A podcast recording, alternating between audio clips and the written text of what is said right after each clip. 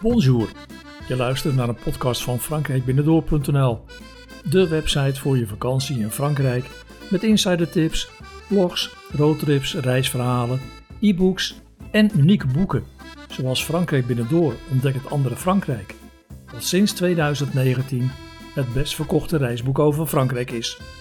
Ik ben Ruud Kouwenhoven en in deze podcast vertel ik je mijn ervaringen bij het wijndorp Sauternes in de Gironde waar ik eens onverwacht een masterclass Sauternes kreeg aan het hek van een wijndomein, dat pal naast de gerenommeerde wijngaarden van het beroemde Château d'Yquem in Sauternes lag. Luister je mee? Bladerend door mijn foto's stuitte ik op de foto's die bij deze podcast horen en die je kunt zien op frankrijkbinnendoor.nl slash Sauternes. Ik moest daarbij meteen terugdenken aan een bijzondere ontmoeting en zocht naar wat aantekeningen in de notities die ik meestal maak. En die krabbels waren genoeg voor een onvergetelijke herinnering en om die weer opnieuw op te halen en er zelfs een blog en deze podcast over te maken.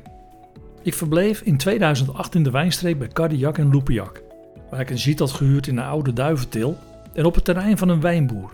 En in Loupiac en omgeving worden trouwens prima wijnen gemaakt en ook zoete, zoals in Sauternes aan de andere kant van de Garonne. Het is ook een mooie omgeving om te wandelen of te fietsen en ik schreef er al eens een paar blogs over. Ik had Marianne voorgesteld om een roadtrip naar de andere kant van de rivier de Garonne te maken en bij Sauternes te gaan wandelen. Het was een mooie zonnige dag en we reden richting Sauternes in het wereldberoemde Château d'Yquem.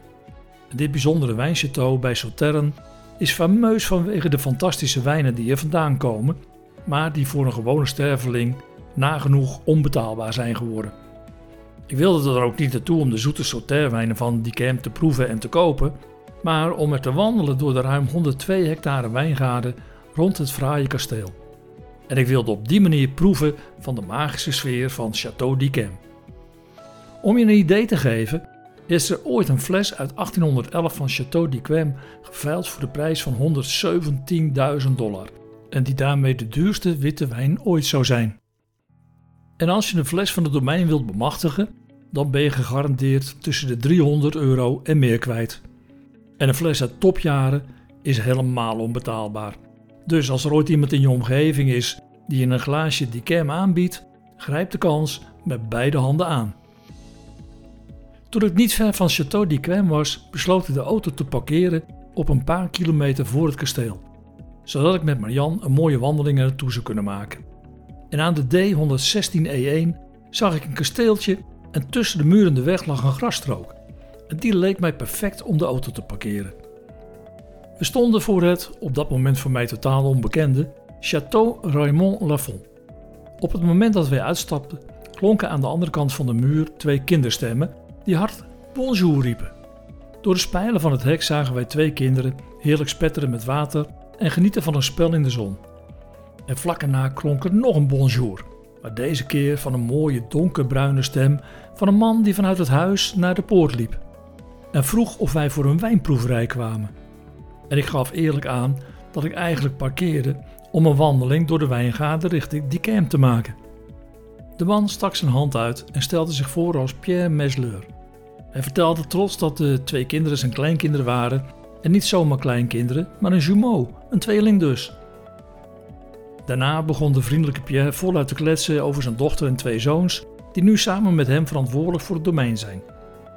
Hij vertelde trots dat de familie Mesleur het Château Raymond Lafon runt sinds hij het in 1972 kocht, nadat hij vele jaren als manager van buurman Château d'Yquem had gewerkt, terwijl hij richting het gerenommeerde château in de verte wees. Hij had dus een goede leerschool gehad en maakte nu zelf met zijn kinderen prachtige wijnen. Uiteindelijk stonden wij ruim een half uur met elkaar te praten en kreeg ik een lesje wijn maken als het om Sauternes ging. En zo leerde ik dat de Franse wet voorschrijft dat maximaal drie druivensoorten voor de Sauternes mogen worden gebruikt. En dat zijn de Semillon, de Sauvignon en de Muscadel. En bij Raymond Lafon gebruiken ze 80% Semillon en 20% Sauvignon. En daar was Pierre behoorlijk trots op. De druiven voor de wijn van Sauternes worden laat geplukt en daardoor ontstaat de zogenaamde edele rotting, waardoor de druiven veel suikers krijgen en de wijn een zoete smaak die uniek is. Door de druiven zo lang mogelijk te laten rijpen in combinatie met de ligging van de wijngaarden ontstaat deze edele rotting. En de pluk die gaat heel voorzichtig en met de hand. En met de lage opbrengst per stok zorgt dat voor een hoge prijs van de wijn. En ook zijn er vaak meerdere plukrondes nodig omdat niet alle druiven tegelijk de juiste rotting hebben.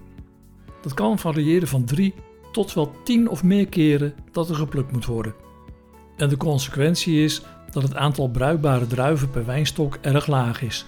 De combinatie met de lage opbrengst, het handwerk en de vraag naar dit soort wijnen maakt dat de prijs hoog is.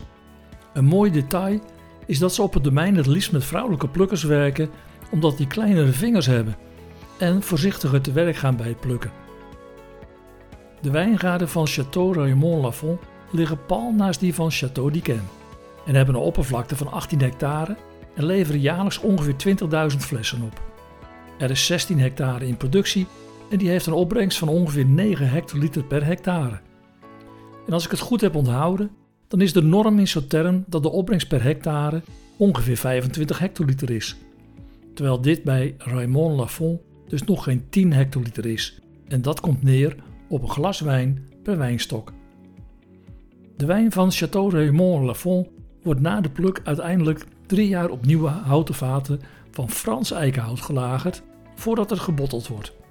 En een goede Sauternes kun je rustig 10 tot 100 jaar laten liggen en misschien nog wel langer. Maar of ze dat bij mij uithouden is nog maar de vraag. Eigenlijk is het wel vreemd dat de flessen van de beroemde buurman 10 tot meer keer duurder zijn dan die van Château Raymond Lafon. En dat zit echt niet alleen in de kwaliteit, maar volgens mij ook grotendeels in de gekte van de markt en de marketing.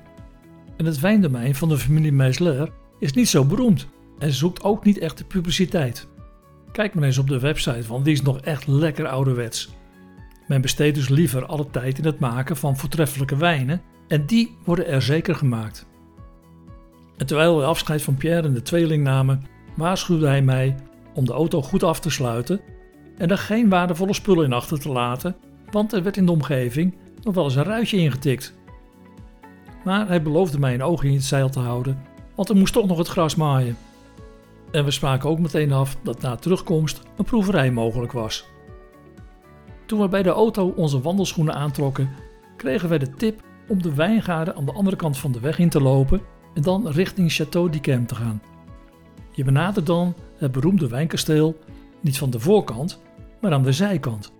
En dat geeft inderdaad een nog mooier beeld van deze historische plek, waar in 1855 de wijn zelfs in een unieke categorie Premier Grand Cru Classé werd geplaatst. Omdat het domein van de familie Meusler in 1850 werd opgericht door Raymond Lafon, was het nog te jong in die tijd om opgenomen te worden in de klassificatie van 1855 voor de Sauternes-wijnen. Château Raymond Lafon is dus een ongekwalificeerd wijndomein, maar dat doet niets af aan de kwaliteit. En tenslotte kreeg ik nog deze tip van Pierre mee.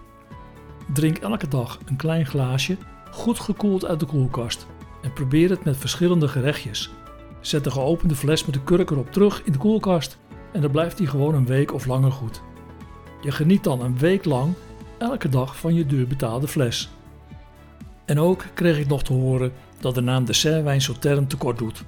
Want een klein gekoeld glaasje als aperitief is een echte verrassing en lekker op het eind van de middag bij een sappige peer of heel gewaagd bij oesters. En wat ook heel lekker was volgens Pierre, is om Sauternes te drinken bij gegratineerde coquilles Saint-Jacques. En later kwam ik erachter dat dat recept op hun website staat. En de link naar de website die vind je op frankrijkbinnendoor.nl slash Sauternes. Wil je trouwens eens bij Sauternes gaan proeven?